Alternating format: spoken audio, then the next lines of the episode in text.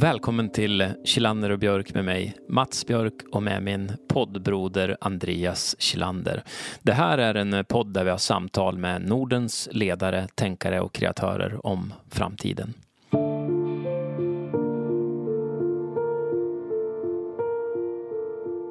Idag välkomnar vi Nordic Choice Hotels Vice President Technology, Kari Anna Fiskvik, till samtal på podden. Samtalet som du lyssnar på nu spelades in på distans i en livepodd på Houseby i Sundsvall under våren 2022. Det här eh, samtalet är möjligt just genom vårt samarbete med Houseby. Houseby är en samlingsplats för att dela idéer, nätverka, göra affärer och få inspiration och hjälp med att ta sitt bolag till nästa nivå. De har tio olika coworkingplatser runt om i Sverige, så spana in eh, Houseby. Teknologi och Digitalisering förstärker all mänsklig aktivitet och i princip nästan all mänsklig aktivitet pågår på hotell. Därför tänker vi att om man jobbar med tech på hotell så måste man verkligen kunna allt, eller åtminstone kunna leda och samarbeta med en massa rackarns olika kompetenser, discipliner och perspektiv. Och vi tycker nu efter att ha fått prata med Karianna att det verkar stämma. Så vi tycker faktiskt att man ska inspireras av Karianna och hennes berättelser. Och vi eh, tycker också att det framgår under samtalet varför Karianna anses vara en av Norges mäktigaste kvinnor inom tech. Rekommenderar också varmt att göra dig lite nyfiken på hur Nordic Choice Hotels jobbar för att lösa just komplexa behov och under stora och ständiga förändringstryck. Spana exempelvis in deras årsredovisningar för att se hur framträdande just kulturfrågan och jämställdhet och jämlikhet är i deras styrning. Så med det här samtalet hoppas vi att kunna ge dig en inblick i den otroligt dynamiska techmiljö som hotell faktiskt är. Och vi ger dig Nordic Choice Hotels Vice President för teknologi och Karianna Fiskvik.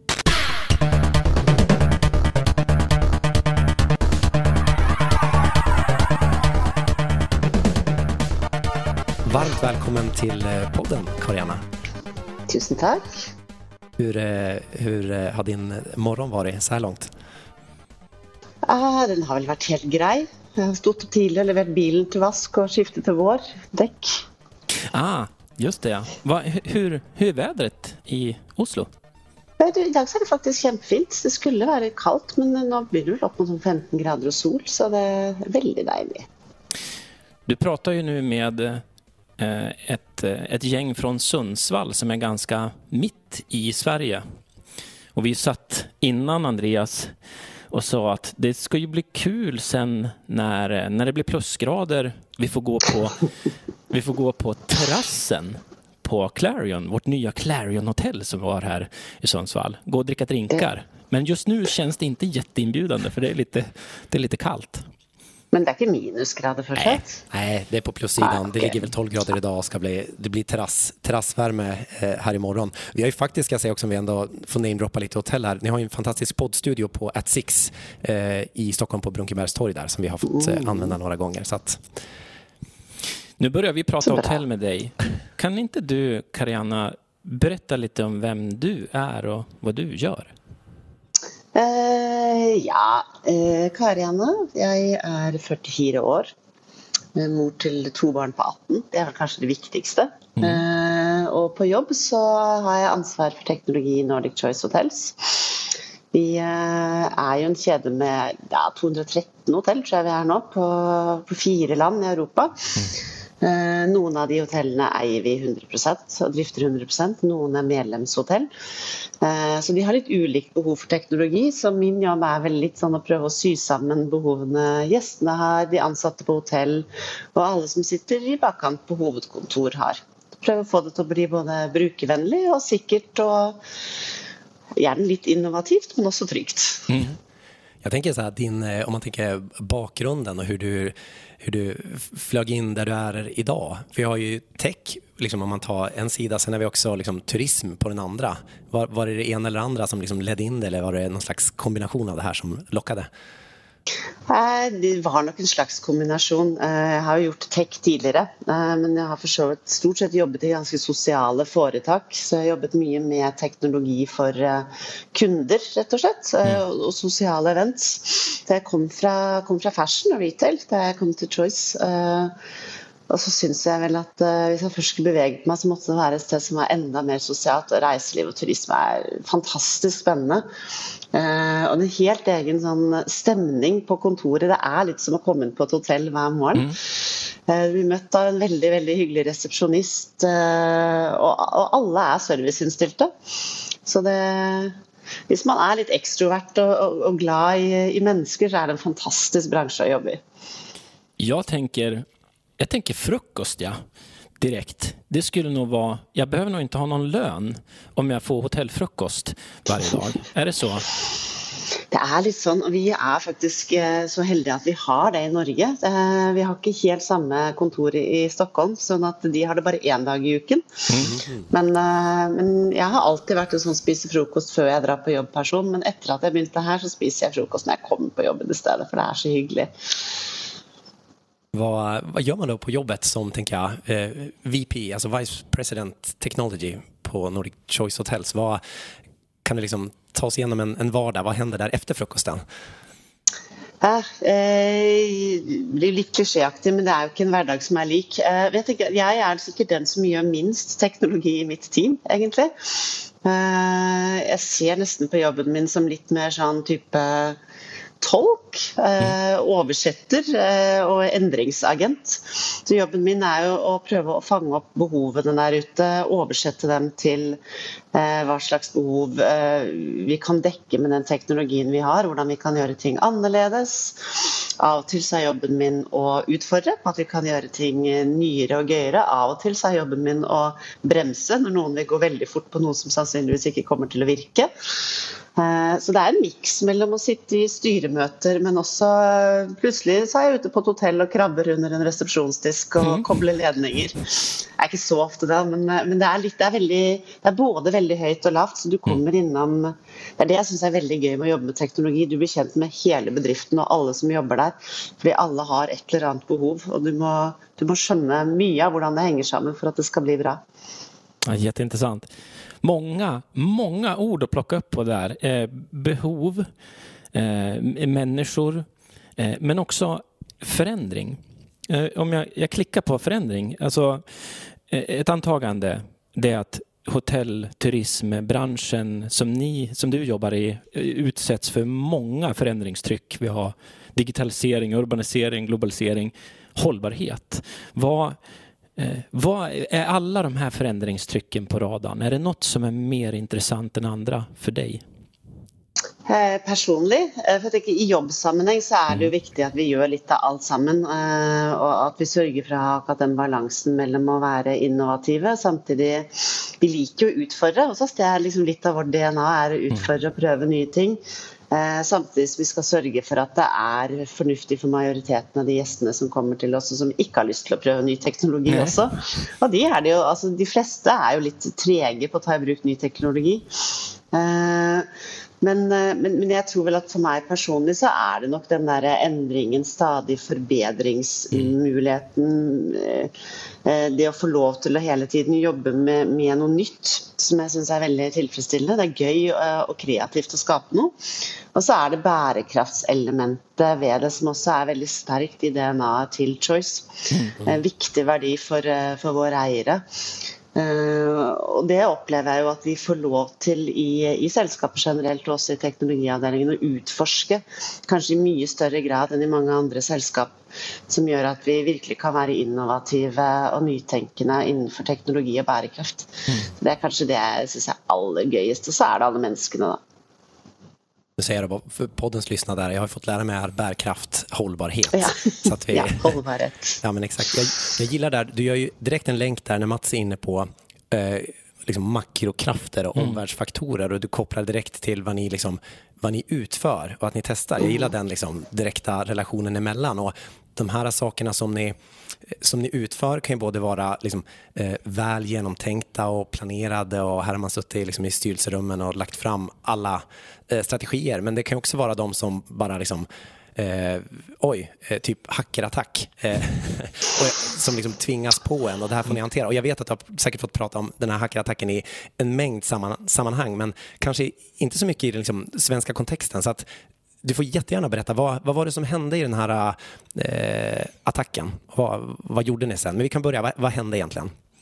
Jeg skal prøve å være litt kort, for jeg pleier å bruke halvannen time når jeg skal fortelle, for det er så stort. Men uh, i praksis så var det som hendte, var at uh, vi, vi ble utsatt for et klassisk angrep av, uh, av en veldig sofistikert hackergruppe. De gjør noe som de kaller for phishing. Det betyr at de sender ut en type mail til veldig mange ulike selskaper, og så ser de hvor, hvor, de, hvor de får napp. da det er gjerne en sånn kjede. Det er noen som gjør dette, noen skriver koden, noen er liksom serverne, noen lager phishing-angrepet, noen driver med utpressing. Eh, så det, er mange instanser. Eh, hos oss så var det noen som trykket på en lenke i en e-post som så ut som det kom fra noen de kjente. Så de hadde gått inn og tatt over mailserveren til eh, en samarbeidspartner av oss. Gått inn i en eksisterende maildialog med en person, og så liksom lagt fram at det var et problem som var oppsummert i en lenke som noen trykket på. Eh, og da utnyttet de delvis både normale tilgangsstyringer i Windows til å komme seg videre. Ting, det sa akkurat samme som vi gjør når vi jobber med tilgangskontroll. Mm. Og noen sårbarheter, og jobbet seg bakover i systemet. Eh, til de hadde en viss oversikt. De hadde mulighet til å liksom kryptere ned eh, opptil flere datamaskiner på en gang. Og eh, hadde kopiert ut noen av dataene våre. Så vi merket det på kvelden da de begynte å stenge ned datamaskinene. Da la de ut en, eh, et lite sånn trusselbrev som nesten er litt sånn eh, Det føles som en sånn ungdomsbok. Litt sånn Hardy-gutten eller Frøken Detektiv. Eh, hvor de eh, sa at alle våre filer var eh, kryptert av Contistrain, som er da den uh, ransomware-programvaren som denne gruppen De er for så delvis kjent som Conti-grupperingen også. Bruker. Og at uh, hvis vi ikke visste hva det var, så kunne vi google det. Uh, og vi burde ikke prøve å åpne eller rydde opp i noe som helst selv, for da kom vi til å miste absolutt alt vi hadde av tilganger og filer. Vi måtte kontakte dem, så fikk vi en lenke til uh, en Tor-browser, altså på dark web, hvor vi, de anmodet oss å gå inn og forhandle med dem. Så de oppga ikke noe krav, de sa bare at vi måtte inn hit. Og truet da selvfølgelig med å, å, å, stenge ned virksomheten teknisk og lekke alt de hadde stjålet av data. Så det var det som uh, møtte oss kvelden uh, natt til 2.12. i fjor. Mm. ja, det, det, er liksom så absurd at du i begynnelsen er nesten litt sånn usikker på om det er sant, eller om det er noen som tuller mm. med det. Mm. og da hadde vi jo stått i en kris i pandemi i to år allerede, så organisasjonen var ganske sliten. Mm. Vi hadde liksom gått på nødbluss veldig lenge. Men uh, vi gjorde det som du, du, alle gjør. Du må bare stenge av tilgangen fra, fra omverdenen. Så vi lukket, uh, lukket, nettverket vårt. Stengte alle, alle, ute, inkludert våre egne ansatte. Eh, og jobbet oss gjennom natten med da, å prøve å få oversikt over Eh, hva har skjedd, hvor stort er det? Eh, vi brukte tid på å prøve å skjønne er det noen på innsiden som har hjulpet til, eller er det helt eksternt? Mm. Eh, hvilken gruppering står bak? Hvilken angrepskampanje er dette en del av? For de kjører egentlig de kjører det som en sånn normal business, og de har liksom én type kampanje de kjører en stund. Og da gjør de akkurat det samme på alle de angriper. sånn at Eh, de første timene gikk med på å få oversikt og varsle og stenge ute. Og så eh, tok vi veldig tidlig den morgenen en beslutning på å framskynde et prosjekt vi hadde, som jeg kan komme litt tilbake til. Eh, I dybden, for det handler egentlig om holdbarhet. Mm. Eh, men det gikk ut på at vi skulle bytte bytte eh, operativsystem på våre PC-er. For det du må gjøre når du får et sånt angrep, er at du må rydde opp i hele systemet ditt. Du mm. må rense alt av maskiner. Du vet jo ikke hvor de, hvor de har lagt viruset 100% så alt må tas. Eh, ganske krevende arbeid. Eh, og de syns selvfølgelig det er fantastisk å ta sånne bedrifter som oss, som har liksom over 200 lokasjoner og 15 mm. 000 ansatte, fire land. Det er logistikkmessig vanskelig å rydde opp. Det tar lang tid å sende teknikere ut til 200 lokasjoner.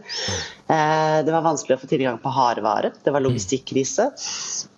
Så det vi gjorde, var at vi hadde et pilotprosjekt på å bytte da, mykvare i stedet. og det eh, bestemte vi oss for å framskynde. Vi skulle egentlig ikke gjøre det for om to-tre måneder. Vi skulle bruke lang tid på endringsledelse. og da vi så at det virket, så konverterte vi 2000 PC-er i løpet av 48 timer til eh, Google sitt Chrome OS Flex. Det er, det er verdensrekord. Det er det ingen andre som har gjort før.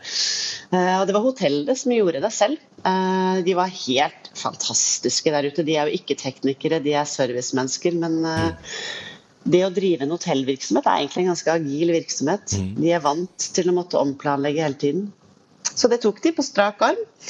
Så da innen fire dager eh, totalt sett så fikk vi liksom bookingsystemer, betalingssystemer og nøkkelkortløsninger opp å stå. Eh, men i de første fire dagene så jobbet de med penn og papir og mm. whiteboards og papirruller i gangene hvor det var litt sånn Dette rommet er rent pil, dette rommet er ikke rent pil. Mm. Eh, tok betalt på Swish, Vips Ja, det var ganske hektisk i den perioden. Det den här typen av rekord vi kommer att få läsa om framöver då i Guinness World Book of Records, tänker jag. Inte de här Absolut. äta hamburgare, mängd hamburgare. Nej. Alltså, fascinerande. Jag blir sugen att liksom fortsätta gräva eh, kring detaljer, men ja, min reaktion är nog snarare att eh, att känna Alltså om ett framtidsperspektiv på det, Karianna, är ju att om teknologi ska förstärka oss då är ju också då är också sårbarheterna i teknologin en del av vårt, någonting nytt att oroa sig över. Då känns det ju mm.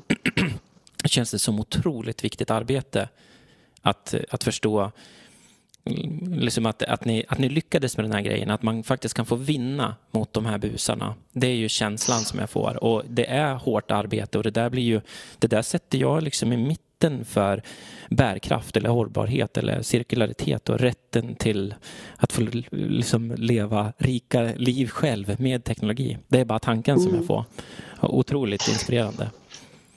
Eh, jag tänker också typ vad eh, eventuella liksom medskick, är ni mer liksom redo nu för nästa typ av hackerattack mm. eller har ni, har ni förändrat någonting i liksom i organisationen eller sättet hur ni, tänker jag, så här, eh, kanske ett medskick till de som lyssnar också, hur man ska liksom organisera sig för att vara framtid även när liksom någon annan tvingar på en, en framtid som man inte vill ha i form av mm. ransomware. Jeg, jeg tenker, det, er, det, er, veldig mye som er, eh, er, relevant å dykke ned i her. og Jeg er liksom uh, passionately uh, opptatt av dette. Men det ene jeg tenker er viktig å faktisk forstå, og som jeg tror kanskje er noe av det som resten av selskapet som ikke jobber med IT-sikkerhet, har virkelig sett nå, er jo hvor stort det er. Mm. Eh, om, om, dere faktisk googler noe av disse her eh, bakmennene, så ser du altså de kjører eh, Lamborghini Huracan, de har løveunger. Mm. Dette, er, eh, dette, er, big business. Det er mm. faktisk en av de største virksomhetene inntjeningsmessig i verden. Mm. Og det er spådd til å bare altså Det har liksom firedoblet seg de siste årene. Det, er, det, eksploderer. Og grunnen til at det gjør det, er jo fordi at det virker. Eh, vi har ikke klart å holde liksom på en måte infrastruktur og sikkerhet i takt med eh, trusselbildet som oppstår. Eh, og det er krevende å gjøre det. Ja, det er store virksomheter, det er stat, det er sykehus, det er privat næringsliv. Eh, vi, vi, blir tatt alle sammen. Mm. Eh, så det er klart det å, å liksom se baksiden av digitalisering som at kriminalitet digitaliseres også, mm. er kjempeviktig. Eh, det er viktig å ha gode partnere på det, for det er utrolig vanskelig og komplekst eh, å holde seg orientert. Sånn at selv om vi gjør tiltak i dag, så har sikkert de For de jobber jo bare med å ødelegge. Vi jobber jo med å drive business, tross alt, så vi kan liksom ikke bare gjøre dette. Det kommer noe nytt hele tiden, så du må hele tiden forandre, hele tiden tilpasse. Eh, ganske kostbart. Og veldig krevende for organisasjonen som egentlig da vil drive med businessen sin og hele tiden få pålegg om å endre seg, tenke annerledes. Ehm, men det må vi, og vi må ta det på alvor. Så er det kjempeviktig å ikke betale. for det er jo Grunnen til at de fortsetter å drive med dette, her, er jo fordi de får faktisk inn ganske mye penger på det. Men vi tenkte jo, Det prosjektet som jeg snakket om i stad, eh, var jo for oss eh, Det startet som et sikkerhetsprosjekt. Mm. Eh, og infrastrukturprosjekt hvor vi skulle oppgradere PC-parken vår ganske betydelig. Eh, og så ble rammet av en pandemi hvor vi fikk enorme inntektstap. Mm. Så det, det, vi ble tvunget til å begynne å tenke annerledes, og fant da ut at hvis vi istedenfor å, å litt, av, litt av det som IT-bransjen har gjort, da, eller mm. forbruksbransjen har gjort, er jo at hver gang det kommer en software-oppdatering, så må du bytte hardvaren omtrent. Mm. Det er jo ikke spesielt holdbart i det hele tatt. Det er dyrt. og krever masse energi. Det er I enhver datamaskin du utvinner, så er det 99 ikke-gjenvinnbare ressurser. Så det er ikke så bra for moder jord at vi bytter eh, datamaskiner og mobiler hele tiden. Sånn at vi fant at ved å bytte mykvaren istedenfor uh, til et helt nytt operativsystem som er mye lettere, så kunne vi gjenbruke 4500 datamaskiner og øke levetiden på nesten det dobbelte. Eh, det sparte vi masse penger på, selvfølgelig. Eh, både i form av innkjøp og prosjektgjennomføring og logistikk. Eh, og så sparte vi enormt mye energi. Jeg har regna ut at vi Det er vel rundt Jeg må slå opp der tallene, for de husker jeg jo aldri i hodet. Men 1800 acres, hva blir det på, på norsk-svensk, da? Er det ja, 7000 mål? Som, med skog som vi på en måte slipper å plante, da. fordi sånn, overordnet så bruker vi nesten en skog på størrelse med Canada eller eh, Grønland til å konsumere eh, forurensningen fra IT-bransjen hvert år. Just det. Så det er ganske heftig. Um, samt at Chrome OS Flex har aldri blitt hacket. Så for oss så var det, et sånn, det var både bærekraftig, sikkert og eh, lønnsomt, faktisk. Ja, men Jätteintressant. Jag, jag har testat två tankar till här. Den ena, det finns en, en silver lining i allt det här hårda arbetet. Kanske. Eh, vi testar. Ja, eh, eh, nu vet alla ni om problemet med den här nya digitala infrastrukturen. Jag, jag, gissar att det blir en allmän kunskap. Alla fick hjälpa till och kavla upp armarna och göra det här täckiga jobbet. För det och den läxan kan ju vara värd väldigt mycket, tänker jag. Om man jämför med en verksamhet som inte riktigt har kommit till insikt om att faktiskt 3% av global BNP är organiserad digital brottslighet nu. 3 fucking procent. Är det. Ja, det är helt, helt så, så den insikten är också värd någonting, även om det var en tung upplevelse, tänker jag. Eh, och den andra grejen som, som jag också tänker, det är eh, Ja, men du pratar om agil. När agil exempelvis är distribuerad i en organisation, då är, då är organisationen den blir ju sjukt stark. Och nu har ni också distribuerat någon form av know-how som gör er... Ni är, ju, ni är ju 15 000 plus anställda nu som är tech helt plötsligt som en effekt av det. Tänker jag rätt om jag tänker så här? Uh, ja, jeg tror faktisk det. Uh, og uh, det, det, vi har lyst til å gjøre som en sånn del to av dette, her, er jo å eh, bruke den innsikten de ute på hotellet nå har fått, til at de kan dele den med sine gjester igjen. Mm. Eh, jeg har jo ikke tenkt at de skal bli sånn sikkerhetscoacher for alle gjestene, men, men å og på en måte kunne være med og si noe om hvorfor vi har gjort det, og hvordan du kan både bruke teknologi mer bærekraftig, mm -hmm. og hva som er viktig å beskytte seg mot, tror jeg jo er, eh, er, absolutt noe vi kan spinne videre på. Vi har jo blitt forsøkt angrepet to ganger til etter dette angrepet. Mm. Sånn at noen har lært mer om hvilke lenker de ikke skal trykke på, noen har ikke lært det. Mm. Det er vanskelig. Eh, men jeg tror jo når det først skjedde, så må vi jo snu det til alt det er verdt av positive ting for å kunne bygge videre rundt og ha eh, en resilient atferd eh, mot, mot, cyberkriminalitet og holdbarhet. Da. Jobbe med holdbarhetsarbeidet. Det, det har vi nok fått mye større forståelse for. Eh, det vanskelige med teknologi er jo at med mindre du jobber med det, så er det så abstrakt. Du, du, du kan ikke ta på det. Det er, ikke, det er, ikke, så lett å skjønne hva det handler om. Men når du blir utsatt for et uh, IT-angrep, eller når du sammenligner uh, forbruket ditt da, på datamaskiner med, med, antall mål med skog mm. som du må plante for å veie opp for det, så blir det mye mer uh, forståelig. Mm. Og det budskapet vil vi gjerne hjelpe til med å spre for å inspirere andre. Mm. Skulle vilja eh, ta med, ta med oss på en liten poddgir. Mm. Eh, jag tänker så här, eh, om man tänker tech då, det är ju, drar man associationer ur tech då har man ju oftast liksom kopplat till, ja, till innovation eller till liksom nytänkande men kanske inte lika ofta då till, eh, till bärkraft eller till, till liksom jämställdhet. Eh, men när vi liksom researchat och er och kollat in lite grann i årsrapporter och annat så eh, jobbar ni ganska hårt med de här nya, skulle jag säga då, associationerna och kanske framförallt om vi skulle dyka in lite grann i, i jämställdhetsfrågan. Vad, vad, vad gör ni här och vad ser du för utmaningar kring, eh, kring er, kring just, eh, kring just det? Uh, nej, uh, tenker vi Generelt i Choice er vi faktisk ganske gode på, på diversity, da, som, vi, mm. som, vi, egentlig jobber med. Sånn at vi har tatt hjemstellenhet litt bredere. Eh, innenfor teknologibransjen, som da blir selvfølgelig mitt team her også, så er det fortsatt ganske mye å gjøre. Eh, det er, det er, vanskelig eh, å finne og rekruttere og beholde kvinner. Det tror vi handler mye om miljøet de jobber i, samt hvilke oppgaver de, de får presentert at det er mulig å jobbe med. Da. Det er jo ikke alle som syns det er veldig inspirerende å lage dataspill, eh, men det trengs enormt med krefter innenfor teknologi, f.eks. til å forske på vannforsyning. Hvis man vil være med å redde jorden, da. vi trenger ikke bare sosialantropologer. vi trenger trenger også teknologer for å jobbe med mat, eh, vann. Eh, og jeg tenker at Hvis vi blir flinkere til å liksom synliggjøre den bredden av hva du kan være med på å påvirke, så når vi nok ut til flere. Eh, og så er det fortsatt sånn at man må drive med aktiv rekruttering. Så vi holder på å samarbeide med et firma i Sverige som heter WeExist. Mhm. For å bli sertifisert som et sted for det er godt å jobbe for kvinner i teknologi. Så det er, det er et aktivt valg hver dag å jobbe med å, å eh, endre seg og for å tiltrekke seg og beholde og lære av kvinner i bransjen. Eh, men også andre minoriteter eh, innenfor teknologi. Da. Så det er et breddearbeid. Mm, ja.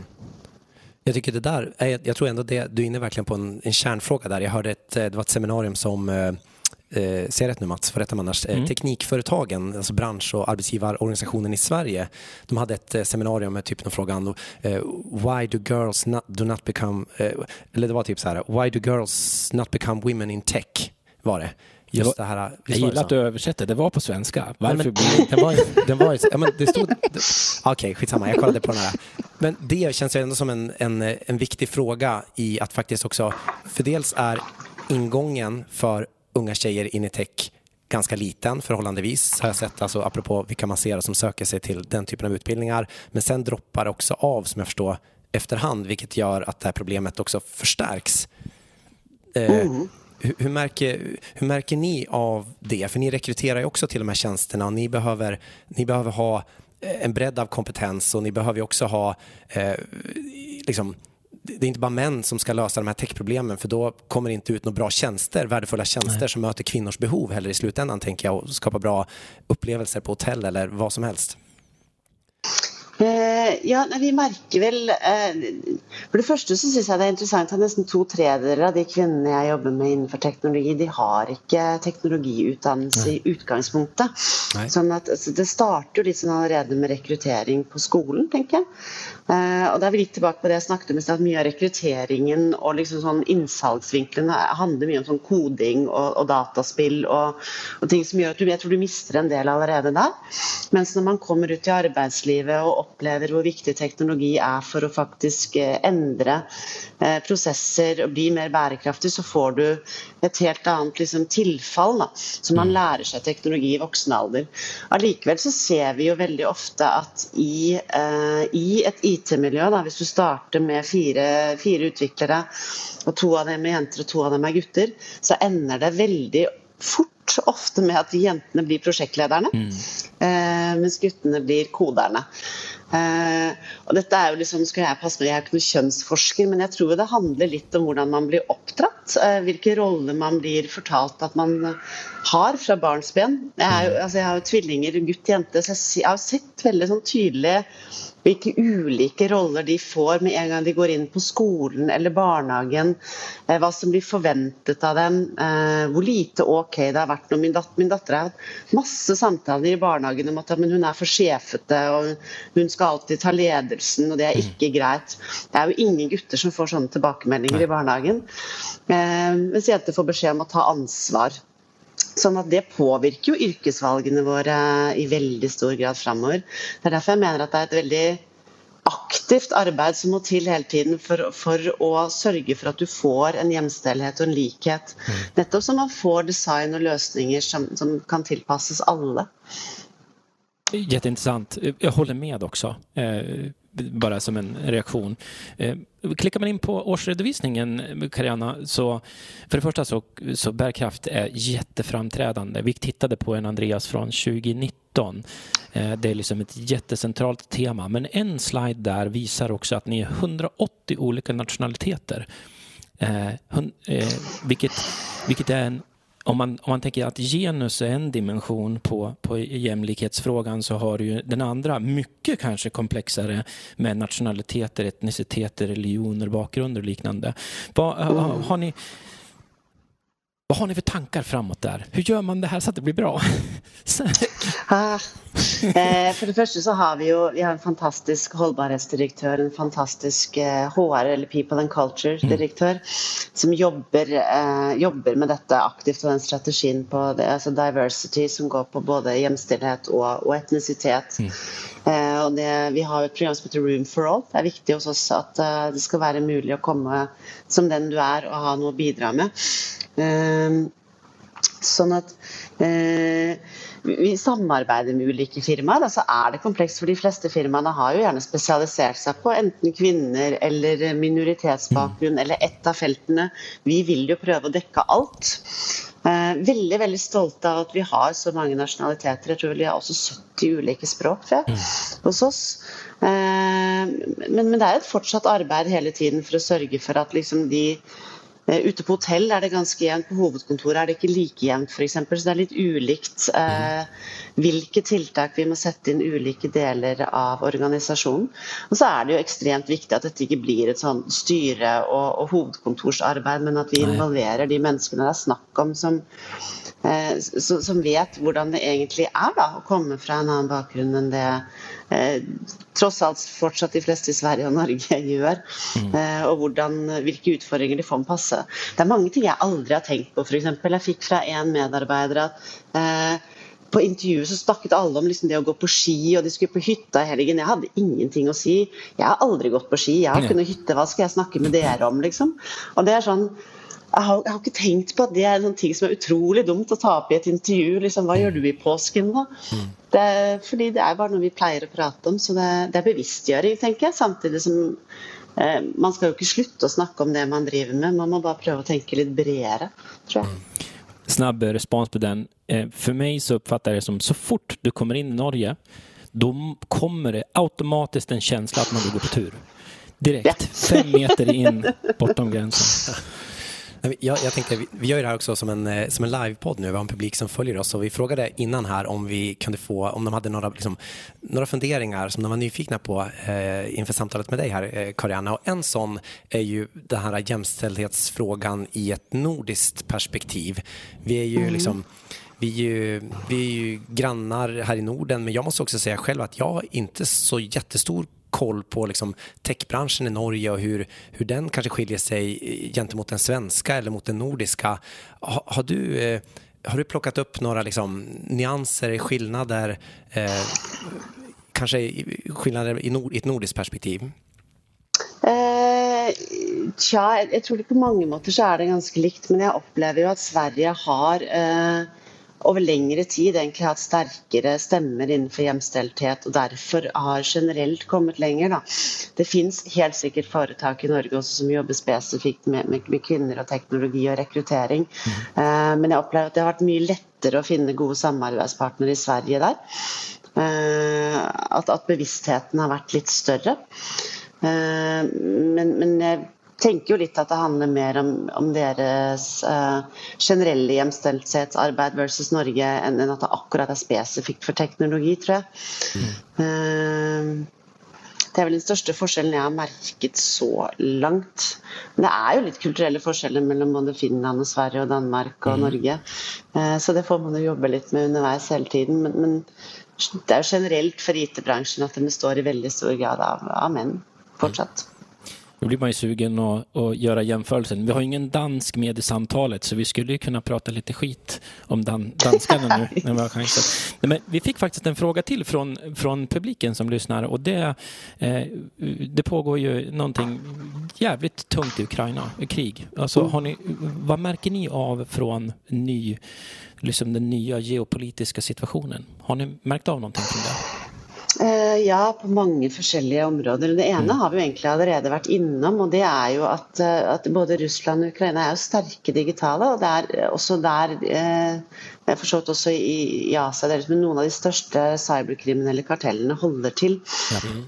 Eh, den grupperingen som angrep oss, f.eks., de gikk jo ut på sine hjemmesider og, og ga støtte. De, de, samarbeider jo med GRU, den russiske eh, regjeringen. Mm. Eh, og det endte jo med at de Ukraine, den ukrainske delen av eh, denne grupperingen lekket alle deres interne dokumenter mm. på nettet. Så vi, vi merker det jo i form av hvordan vi må forholde oss til det digitale trusselbildet og beskytte gjestene våre mm. på en annen måte enn før. Eh, merker det åpenbart selvfølgelig i form av at det er, det er mange nordiske selskap som har lent seg på å utvikle kapasitet fra, fra Ukraina og, og, deler av liksom Øst-Europa. Eh, det er jo både vanskelig å få tak i hardvare og vanskeligere å få tak i personell nå. Sånn at tilgangen på, på kompetanse synker. Vi vi, vi, er jo ikke i Europa noe særlig selvforsynte på noe som helst lenger, egentlig. Uh, og, det, har vi merket både under pandemien og under de nye den nye verdenssituasjonen som har oppstått i det siste. Mm. Så vi merker det litt på alle områder. Vi merker det på innkjøp av, mat, vi merker det på innkjøp av teknologitjenester. Eh, vi merker at folk er, jo, jo, nærmere du kommer Russland, jo mindre reiselystne er folk. De blir redde. Så det er en litt sånn miks av, av, av, Alt endres litt. Prisene går opp, tjenester blir dyrere. Mm. Eh, du tvinges til å tenke litt annerledes på mange områder. Mm. Jag, jag, tycker alltså bara personligen då, eh, känner jag att de här kriserna, först pandemin, eh, när också liksom, det, det, uppstår en gräns här mellan liksom, Sverige och Norge och sen nu också med Ukraina, Rysslands liksom, eh, fruktansvärda invasion, då blir det också som en, en, eh, en väldigt tydlig gräns med att ni är med i NATO men vi är inte med i NATO. Och att då är också, jag har hela liksom, tiden sett oss som någon form av gränslös helhet. Hur man mm. liksom bara snabbt rör sig över gränsen, man är uppe i, i, i fjällvärlden. Så att personligen tycker jag verkligen att vi har eh, kriserna har liksom separerat oss på något sätt men man har ju verkligen hopp här att det ska, det ska hålla ihop. Ja, men det, det er veldig, Jeg, var jo, jeg kom fra Praha i går kveld, og, og, de sitter jo tettere på krisen på en annen mm. måte. og det, De er jo tech-selskap, de som jobber med der nede. Og Så jeg har jo sett både hvordan deres ansatte har forsvunnet for å delta i krigen i Ukraina. Eh, og hvordan den opplevelsen av eh, altså jernteppet og den gamle liksom, kommunistskillet yep. eh, som var, da, at man var barn, liksom sniker seg tilbake igjen. Så det er ganske skummelt å sitte og kjenne på hva det egentlig er som skjer, og hva som har startet hvor og hvordan, er jo ikke så godt å si. men pandemien og kriser Det er jo sjelden det styrker folk sånn voldsomt. Man blir jo redd og, og, og går til ytterligheter. Du ser jo det på en måte i hva som skjer i USA i forhold til abortlover. og Det er ganske mye som eh, har vært blitt reversert de siste to-tre årene. som Jeg må innrømme at jeg, jeg, så ikke det komme i det hele tatt. Nei. Jeg, tror, jeg tenker, den er, Kikker man litt i historien så ser man också, eh, vi ser ju, när man läser historieböcker så ser man det ungefär som att allting bara utvecklas framåt. När man får det mm. beskrivet och summerat efteråt. Och, och det är faktiskt mer en sån där typ av kurva. Och, mm. och det, det, även om vi känner de här sakerna nu tänker jag, så betyder det inte att vi kommer att gå tillbaka till någon gammal, dålig, separerad värld. Det har ganska mycket som talar för det andra också. Eh, ett sånt snabbt hopp, eh, en snabb jabb, det är ju när Karianna, vilket datum kommer vi ha ett hotell i metaverse? Eh, det, det fins allerede. Ja. Um, det er et hotell i Singapore som, som skryter av å være det første på Metaverse.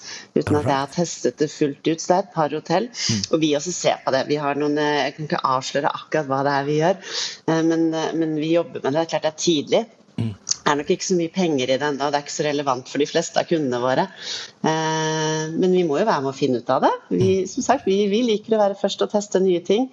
Sånn at Eh, det blir spennende. Det er jo en slags sånn kombinasjon av, av, marketing og virtuell virkelighet og en eh, på en måte look before you buy-del. Mm. Mm. Uh, og, og, hva som tar av, hva som egentlig bare dabber av, det, det vet jeg ikke helt. Jeg tror du får liksom polarisering her òg. Noen syns det er veldig gøy å være en del av den virtuelle liksom, dobbeltvirksomheten. Andre vil egentlig bare på et hotell hvor det kanskje er minst mulig teknologi fordi de vil mm. koble av. Mm. Uh, men jeg tipper at i løpet av 2022 og mer i 2023 så vil det være en god del hotell som har lekt seg med Metaverse på en eller annen måte. Jeg tror ikke den store publikken vil ha adoptert det ennå, det tror jeg tar litt lengre tid. Ja. Men jag tycker det, det är det här som är så sjukt spännande, tänker jag också. Det blir ju en annan typ av upplevelse. För vår första tanke, det är kanske mm. så här, ja men då börjar jag nyfiken på, ja men vadå, jag får ingen hotellfrukost. Men då är jag kvar i den liksom fys fysiska världen. Jag tänker också, jag såg så här, Spotify lanserade så här, Spotify Island nu då i Metaverse mm. i, i, Roblox. Och då, eh, om, men när man börjar använda dem där, då ser man, ja men det här är ju då primärt kanske ett sätt att öka interaktionen mellan artister och, och liksom, det, det är inte någonting, för jag, jag var liksom in där och började leta låtlistor artisterna. Det är en annan typ av upplevelse så det mm. blir ju spännande när man kastas in där. Men kan man, ska vi hålla kvar den här lite framtids, eh, avsluta med ett liksom, mm. lite, lite, positivt, mm. eh, eller så negativt, men jag antar att det är väldigt positivt om man tänker hotellupplevelser och vi drar ut horisonten tio år framåt, eh, 2030, 2032. Vad, vad är en hotellupplevelse då, tror du? Uh, ja, nei, jeg tenker jo at, uh, at Metaverse definitivt er en del av det på en eller annen måte. Mm. Jeg tenker vel at vi i, i, mye mindre grad I dag så sitter vi mye fra en skjerm og taster. Sånn at vi søker. Jeg tror at vi kommer til å liksom trykke mye mindre. Vi kommer nok til å søke og booke og kjøpe ting mye mer ved hjelp av digitale assistenter. Mm. Eller virtuelt, rett og slett. At vi, eh, at vi, på en måte går inn og, og velger ut hotellfrokosten da, virtuelt på forhånd. Tester ut hvilke hotell vi vil, vi bo på. Kanskje jeg og vennene mine, sikkert ikke jeg, barna mine og vennene deres da, har, har, har, kvelder hvor de på en måte tester ulike hotell i byer og hvilke opplevelser de totalt sett kan få virtuelt før de booker det. Jeg tenker at vi, eh, hele sannsynligvis payment-systemet har endra seg så dramatisk at jeg sikkert ikke klarer å forutse det engang. Ikke bare med kryptovaluta type, og blokkjedeteknologi og alt mulig, men at måten du liksom eh, Pengene dine er knyttet til din digitale identitet, da, og du handler uten å i nesten noen som helst grad egentlig ha, forstå hva penger er lenger. Vil endre seg ganske mye. Eh, jeg tror allikevel at den der grunnleggende altså i, i bunn og grunn så driver vi jo med losji og service. Eh, vi, vi, tilbyr rom og frokost og mat eh, og en god opplevelse. Det behovet vil bestå. Det ser vi i veldig stor grad etter pandemien også, at folk vil være sammen med andre mennesker. De vil, eh, de vil gjerne at det som er litt kjedelig skal bli borte. Det er kjedelig å betale, det er kjedelig å drive med research, det er kjedelig å sjekke inn og ut. Sånn at vi vil gjerne ha assistenter til, til det som er kjedelig. Men opplevelsene våre vil, vil nok i fortsatt veldig stor grad bestå av å sitte sammen sammen med andre mennesker. Spise frokost, middag, drikke vin, gå på tur i Norge. Eh, men, eh, men, men kanskje en større blanding da, av det virtuelle. Eh, det tror jeg likevel vil være primært for den generasjonen som kommer. Jeg tror ikke at jeg noensinne kommer til å være en veldig virtuell hotellgjest. Det er jätteintressant. Verkligen. Jag är ja. nyfiken, alltså, sorry där Mats, när du säger gå på tur, nu tänker jag kombinationen då, det finns ju såklart, men ser du också en framtid där er bransch smälter ihop med andra branscher? För vi ser ju den det sker ju i många andra branscher också. Jag tänker att den, jag vet inte vad det skulle vara för bransch, eh, hälso och sjukvårdsbranschen och hotellbranschen eller liksom Tinder och, och hotellbranschen, vad liksom, vad blir, blir det någon mix och mashup av allting här? Ja, det tror jeg 100 og det, det er jo delvis det i dag. Det ene er for så vidt veldig sånn egentlig ikke noe nytt. Det handler jo om at når du kommer til et sted, så kjøper du Du vil kanskje ha konsertbilletter i tillegg, eller du vil ha, altså liksom utvide de opplevelsene du har på den lokasjonen du besøker. Da. Og så er det jo smeltet mye sammen event og konsert fordi at vi hoster mye av det. Vi tror jo at uh, vi jobber jo med å liksom bli lettere å knytte oss sammen ulike typer partnere. Eh, helsebransjen har vi jo delvis smeltet de sammen under pandemien, hvor våre hoteller også har kunnet være losji for de som har vært syke eller kanskje syke.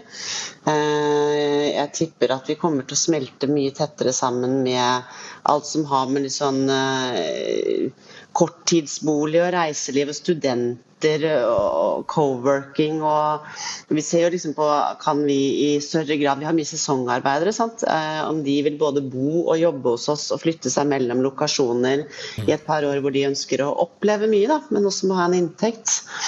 Eh, jeg tror, tror, absolutt vi smelter mer sammen, men eh, mye av det vil også handle om interaksjoner med andre partnere. Det, det er begrenset hvor mye vi kan være best på, men vi kan være best å samarbeide med. Interessant. Jeg, jeg får en, eh, en, en tanke som dyker opp. Jeg vet ikke hva den her er verd, men jeg tester den og så får vi se hva som händer. Eh, med, med tanke på at det nesten alle menneskelige aktiviteter Eh, eh, pågår kring hotell. Och ni har 180 eh, olika nationaliteter, en bra fördelning av eh, liksom genus i branschen, eh, är väldigt teknologiskt beroende, så känns det som att alla krafter som behövs för att man ska innovera finns liksom på hotellet. Kanske bättre än väldigt många andra verksamheter för att ni är så himla ni har så himla mycket på gång.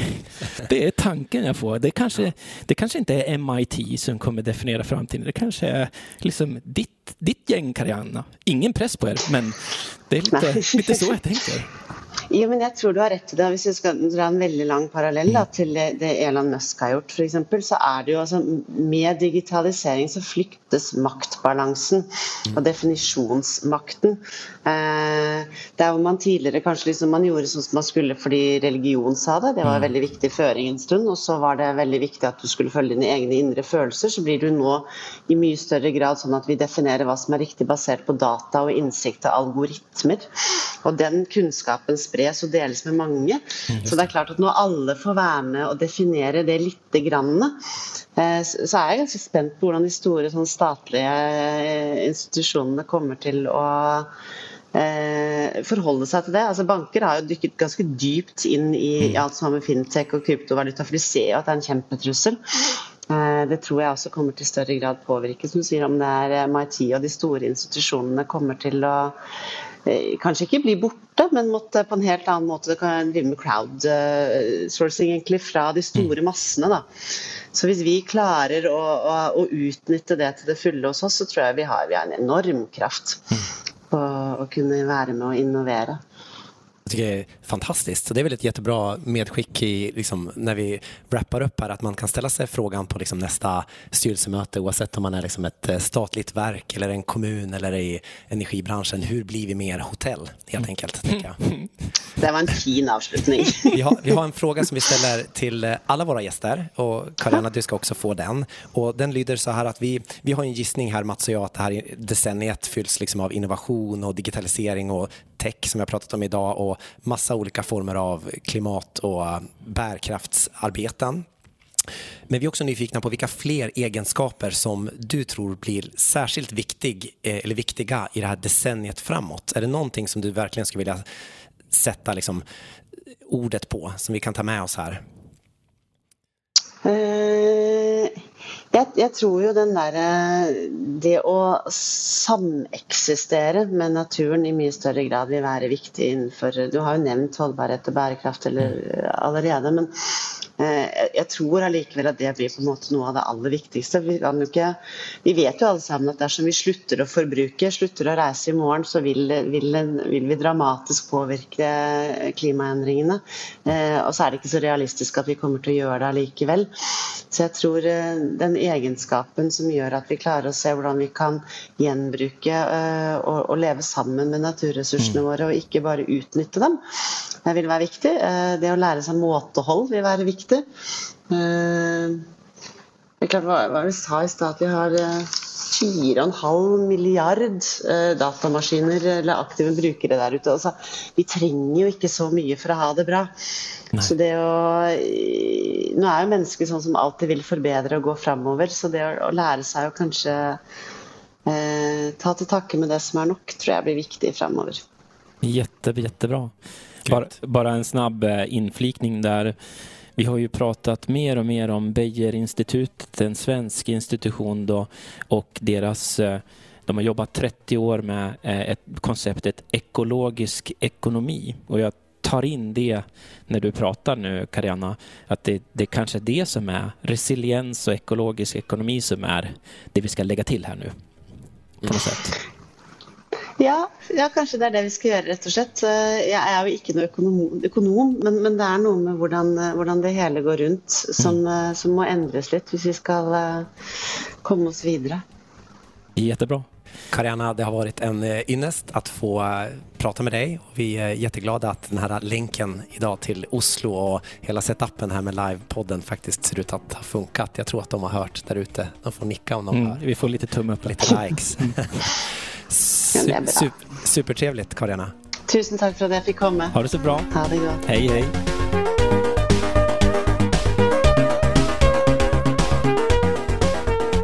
Så, stort takk for at ni har lyssnat på Karianna, på meg og på Andreas. Hoppas innerligt at du har fått nya tanker, inspiration og ny kunnskap. At det kanskje har tänts en liten lampa i hjernen. For oss var det en ynnest å få henge med Karianna såklart och få lite rapport från frontlinjen. Och vi gillar verkligen Technia-dialogerna och egentligen av flera anledningar eftersom det faktiskt har ganska lite med teknologi att göra och väldigt, väldigt mycket med det mänskliga att göra. Att få prata om ledarskapet, och strategin och med affärsdimensionen av tech. Vi tycker ju att det nya affärslandskapet är tech. Det nya villkoret om man så vill. Eller entrébiljetten till att få delta. Därför är det enormt inspirerande att få höra in Kariannas berättelser och hennes perspektiv och erfarenheter. Och väl värt att nämna hennes arbete för att göra tech mer inkluderande. Känner du någon som borde lyssna på Karianna? Dela gärna vidare. Det uppskattar vi verkligen. Vill du lyssna vidare på någon av våra cirka 350 andra samtal. Varför inte lyssna på en annan smart kvinna med många intressanta perspektiv? Vi spelade in ett avsnitt med Eva-Karin Gidlund, vår kropp, vår egna kropp som mjukvara i februari 2022. Där kastas du in i ett workshop-liknande samtal om DNA, om kroppen, om celler och vad Eva-Karin tror om vår framtid. Vi försöker göra liknelsen egentligen mellan hur man jobbar med mjukvara och hur man kan tänka på DNA i det samtalet. Stort tack återigen för att har lyssnat så här långt. Stort tack för ditt engagemang, för era eh, uppskattningar, för er input och för att ni lyssnar på det som Andreas och jag försöker göra här med podden. Jag hoppas att du har en jättefin dag. Ha det så bra. Hej, hej!